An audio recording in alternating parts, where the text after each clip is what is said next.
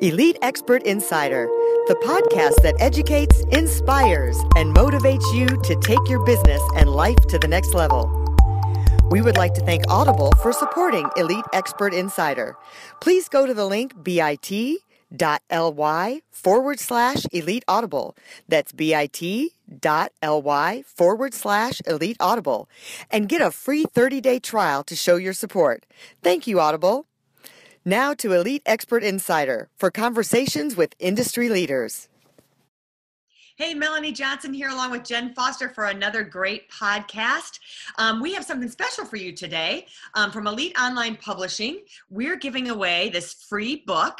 So it's our book. It's called How to Write Your Story of Accomplishment and Success. So if you text your name and email to 832 572, yep, 572 5285 that's 832 572 5285.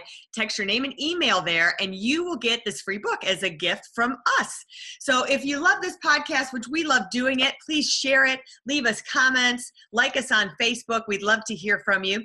And um, today, you know, Jen and I are both single moms, and we've been through divorce, and it's not a fun process whether you're a woman or a man. It's just not fun. And you're so stressed out, you're emotionally drained that you forget half the things that you really should do Uh, because you've never done it before. We're all on this learning curve. So, wouldn't it be great if you had a book that would show you the road and the ropes of what you should do and guide you through the process. We have a friend of ours and our personal author. We launched her book. We're her publisher, Linda Transier. She has this incredible blog, uh, Suddenly Single Women, and uh, she has written a book to go with it. And we're going to talk to her today. She's going to give us some insights. And we just love Linda. Linda's like one of our favorite authors. We're so glad to have her here today. Linda, how are you doing? I'm doing great. Hello, Melanie. Hello, Jen. So happy to be here. Yeah, we're happy to have you. Tell us how you got.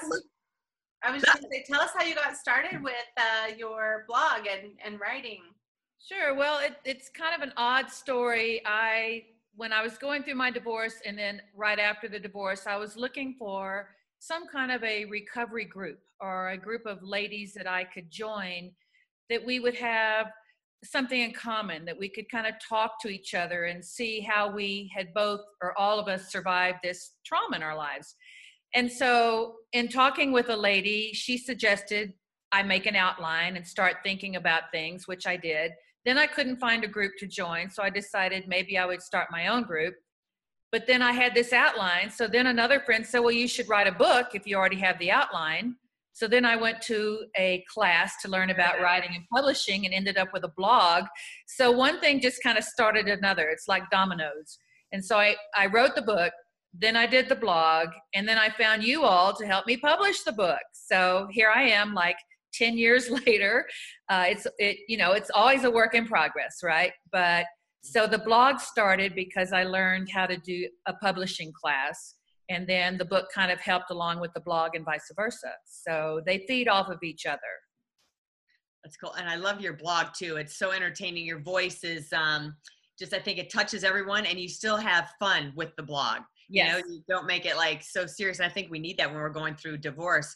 Walk us through some of the things in your book that are helpful when you're going through the process.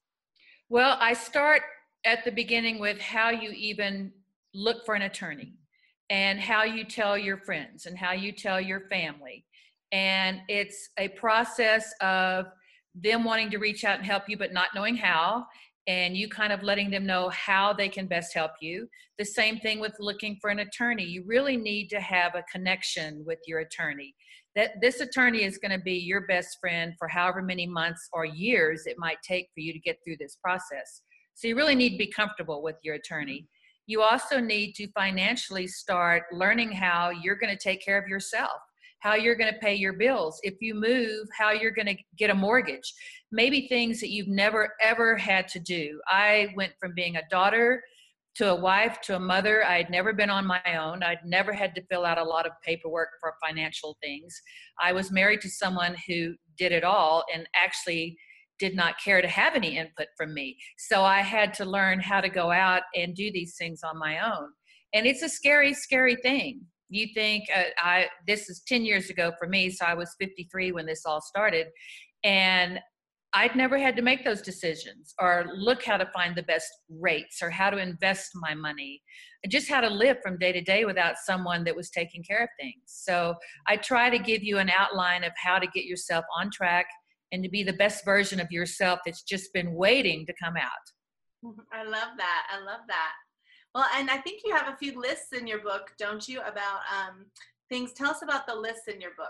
I do. I, ha- I have lots of lists. I give a lot of links of uh, websites to help with things, everything from building a wardrobe to finding a job to uh, learning about investments and how to deal with your money. Um, I did a lot of research and tried to look for links that would help me and then kept a list of them and then put them in the book but it's all resources and just talking with other people too. Find people that have been through this that can tell you the good things they did and the don't do this that I did things uh, because it's a learning curve. And at the end of the day, what you want to do, I call it finding my smile. I just wanted to find my smile again. I just wanted to be my happy person uh, that I was when I was five years old and had carefree. Um, I knew it was there, and I just learned how to get back to it. Out of the things um, that you discovered, what were some of the biggest aha moments of two things? One, that I wish I would have known this, and that would have made a huge difference, or things I'm so glad I did this and it made a big difference? Okay, well, there were a lot on both of those. Um, probably one of my biggest aha moments was I just assumed that because he wanted the divorce, he filed without telling me. He had not honored our marriage vows.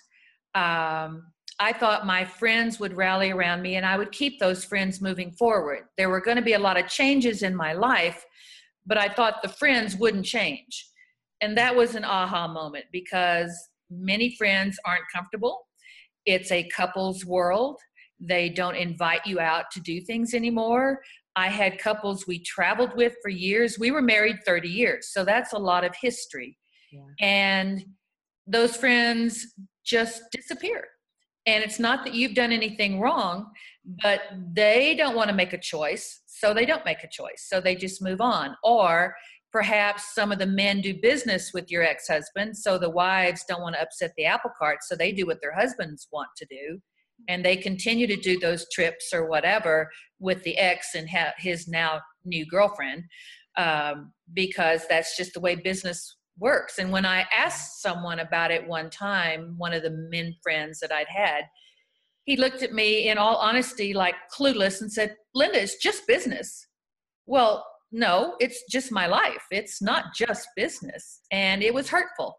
So that was kind of an aha moment. Another one was how difficult it is to get things like insurance coverage when you're single or you are not working, you don't have any benefits.